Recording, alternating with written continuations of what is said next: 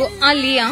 Oche, the one I gave my heart to kwekwezi fm kukhanya ba osimsamo limphosa emnyango mdlalo moya imzuzu nayo amathathu ngemva kwesimbi yeshumi nanye uh, eh, 12 to 3 sititshile nobobodabit njenganje siyikhambisana nojabulane mkhwanazi sitshetsha i-wrongful ne-unlawful birth or pregnancy jabulani uvukile ngivukile ngezwa kuwe zuzu awa sivukile nokho fanzizo ngilothise nomlaleli kwekwezi fm olalele ngalesi sikhathi siyathokoza eh, jabulani usifundisa amathem amaningi-ke nje khona-ke sekunabo-wrongful nabo-unlawful bab yini le hayi ya mthetho esewula afrika ngendlela ongayo zuzu lo mm. alo kwenza njani um ngizakuthi i-pregnancy seyi-unlawful nakutheni ngibe ngibe sidisi ngokungasisemthethweni namkhanjani zuzu lana sesikhuluma khulukhulu nge-unlawful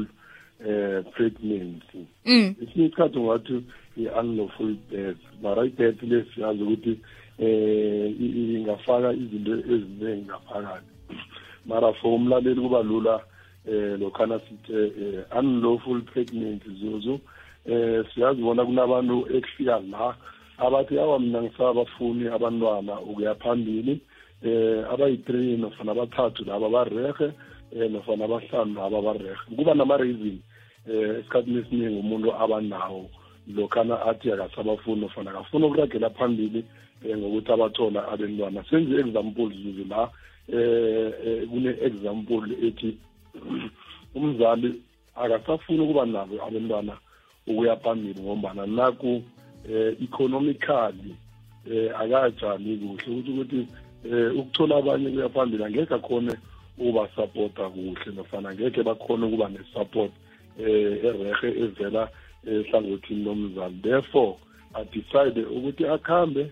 eh ayokuvala imbeleko enzelento esibiza ukuthi sterilization mm. eh angasenza mhlambe ku-private doctor eh nofana aye esibhedlele esinamadorhotera wabo eh abangakhona ukusiperforma i-sterilization nurse uthi athi nakafika senze awa udorhotere um eh, nge-pride ukuthi awasiperfomele i-sterilization um yoke into ijame ngomumo eh songaragela phambili nobuphilo bakho engekho eh, sabathola bentwana hmm. six months down the line zuzu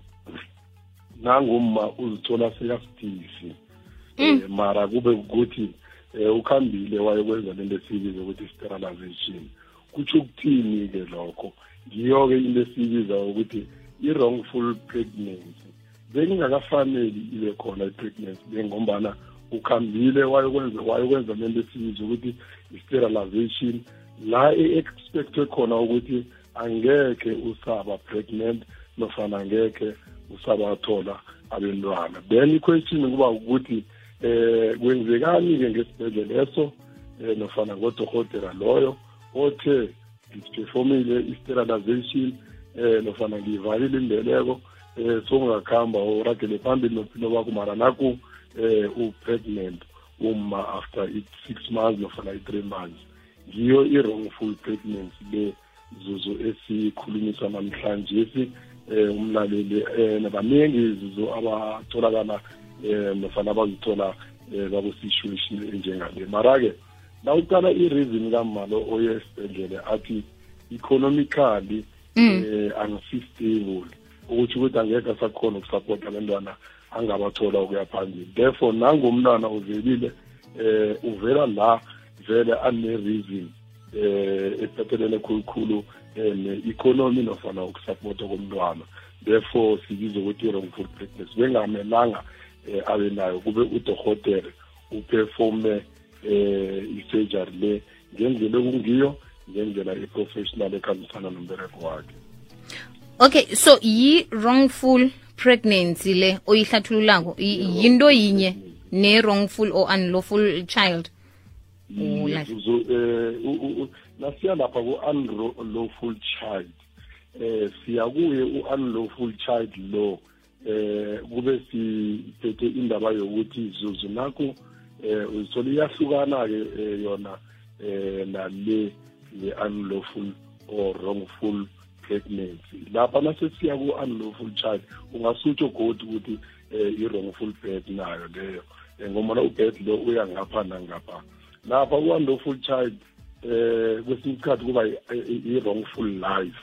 eh umntwana ovelako zuzu ovela lokhana um khulukhulu abantu um abakhona eSouth africa esikhathini esiphila kiso bathi lokhana um bazithwele basidisi um emva kwesikhathi esithileko umuntu uyakuhamba athithi ngiyokucelebrata um i-pregnancy late ngiyokucelebrata ukuthi awa um nakho ngizithwela kuhambe ayihotela elithize nafana irestaurant ethize um kufumaniseka ukuthi uyawa lapho uyatshelela zuze uyawa uwakabuhlungu hle umuntu loyo emva kwalokho asuspect ukuthi kungenzeka le pregnancy amle i-affected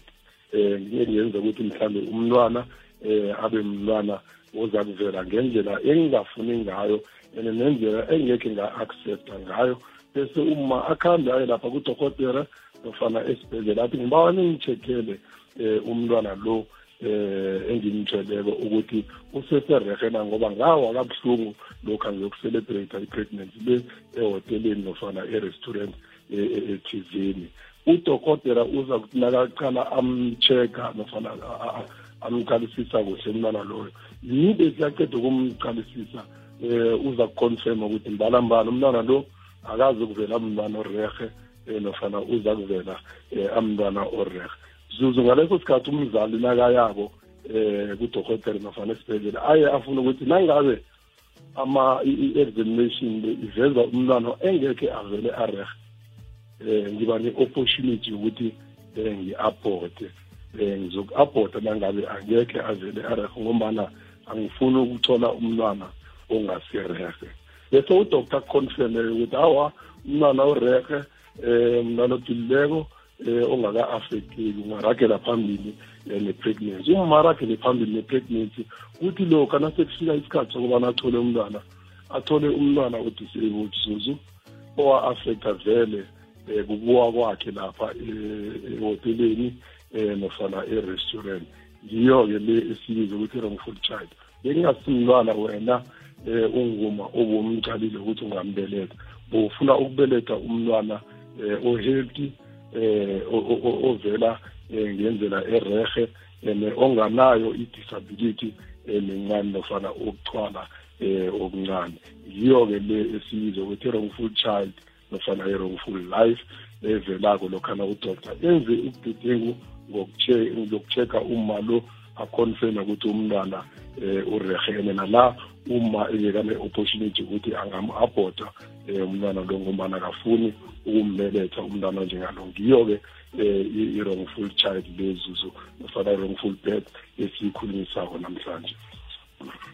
aloke nange kwenzeka ke khulukhulu endabeni nasi ukuthi umma uthena kaqalako namkhana babonisanako banobaba eh bathola ukuthi abantwana abanabo banele ngeze basakhona ukuthi babe nomunye nomkhabanye abantwana nangu ke umntwana uyavela kodwa udoktor waqinisekisa ukuthi ngeze eh, umma asabasidisi eh, sikhumbule nokuthi um, bayararana abantu ngento ezinjalo sebalwa babodwa ubaba ubona kwanga umma wenze ngabomu um kodwa umma naye uza ukuthi na ungithanda msikufanele uzwisise bona bentwana bethu lapha umthetho udlala iphindima lapho nakhona ke bathoma phi zuzu eh sikhumbula ama reason kamma eh nabahlele phansi nobaba ukuthi kube yini ukuthi eh bastophe nofana ba decide ukustopa ukuthi umanga satholi eh abantwana economic reason and lokhana nasele kune-economic reason enjengalezuzo sekuvela ukuthi nangumntwana uvelile vele bangacabana nofana bararani mara-ke nakunamarekhodi wesibhedlela aveza ukuthi mbalambala eh waya wa-athenda for i-sterilization mara nakho umntwana eh uvelile zuzu kuneclaim uma abanayo la for umntwana lo ovelileko ovele kungakafaneli ukuthi avele nofana babe kungakafaneli ukuthi eh abe preg uma lo iclaim le ye-support zuzu ile-internet ukuthi ukuthi uma lo uza kumangalela isibhedlele nofana udoktor loyo nangabe i-private doctor isapote umntwana lo until abakhona ukuziberegela or until abacede isikolo ngombana mntwana ebebangakamtshali um eh, ukuthi angavela umntwana ovele ngombana naku-doctor akakaphefumi kuhle i-sterilization therefore icame umzali angayenza nofana abazali labo ababili abangayenza against isibhedlele ye-maintenance bamaintaine umntwana lo ngombana i-reason yabo khulukhulu bokukuthi abasakhoni ukumaintaina nofana ngekhe basakhona ukumaintaina abentwana ukudlula ilaba abanabo ithemu leyo umuntu um angayiletha zuzu yilelo sibize ukuthi i-medical negligence um esuke iyenzwe ngudokotela ngaleso sikhathi that's um kuba namathema njengala ku-private doctor nofana kudoktor wasesibhedlele nangabe uberekela isibhedlele umangalela isibhedlele ngoba udoktor lo vacariously uberekela isibhedlele leso iclaim ongayenza zuzu na umuntu uzithola usebujameni be-wrongful eh, treatment ngaleso sikhathi udorhotere uyokhupha imali yesondlo njengalokha ikhutshwa ngubaba omntwana exactly njengobaba umntwana zuzu ngoba kumele vele eh amintini nguye ubaba umntwana nofana umama umntwana mara-ke ngoba bebangamfuni umntwana eh bagcinile ku-five le abanayo nangudokotela ngobudedengu abenzileko emberegweni wakhe nangumntwana uvelile therefore eh i-maintenance leyo seyiwela ngakudokotela ikhamba nobudedengu lobo yena udokotela eh abenzileko maningi amaklinikhi siwabonile zuzu eh la bafake khona eh isibhedlela i-maintenance uzammaintaina ngasuthi usho ukuthi sithathe isibhedlela lesi kube ngasuthi imizalo mntwana um eh, itheni enjengaleyo um eh, ngaleso sikhathi umuntu ayenza kwesinye isikhathi-ke zuzimos umuntu uya lapha um ayokwenza i-sterilization ngombana nakho um indlela athola ngayo abentwana indlela eyingozi ke engamfaka godi e, e, e, engozini engathatha nobuphilo bakhe ngamanye ama-reason yokuthi umuntu um akuhambe ayokwenza um i-sterilization mara-ke ufumane ukuthi udoktor wenze imistake eh wam-advisa ngendlela nofana waperforma ngendlela engingasingiyo mind you i-reason yakhe yokuya lapha kobana indlela athola ngayo abantwana yindlela engafaka ubuphilo bakhe engozini thole ukuthi umzali ngaleso sikhathi uyabhubha ngesikhathi abeletha ngaso um eh, matema angavela njengabo-loss of support balobe umma ubudedengu bedoda la athi uphefoma khona i-sterilization azange kasenze kuhle izinto ezinjengalezo mathema njengalawo zuzo ekugcineni ogcine wabona um avela against i-doctor um nofana isibhedlela mara-ke kula um umuntu mhlambe um ofeyilile ngaphandle kwale ye-maintenance yomntwana umntwana ovela mhlambe a-disabled kuba ne-claim on behalf of umntwana ukuthi umntwana lo bekungekhe angekhe asakhona ukubereka njengomuntu eh opheleleko uya-affecteke emberegweni wakhe amaclaim abangawaletha um eh, ama-future loss of earnings into ezinjengalezo nama-general damages ne-trauma zuze umuntu ayitholako ngaleso sikhathi um uyakhona ukuthi mhlambe aclaime um nangabe mhlambe uzithola akulobo bujaba i-medical malpractice le ubudedengu wedoctor nofana mm. esibhedlela zoze umuntu ngasoke isikhathi uyakhona ukusuka isibhedlela nofana i-private doctor leyo allright ngikuzwe kuhle jabulani manje singafikelwa mbuzo nakwengqondo nami ukuthi bakhona abantu abachadako kodwana bathi abamfuni aba umntwana namkha babafuni abantwana um bese basebenzisa ingikhandelambeleko bayangena nabo lapho ekutheni umntwana sathi vele asimfuni kodwana nanzi azikasebenzisi buya kudorhotere khulukhulu laba bakuhamba bodorhotere namkha ikliniki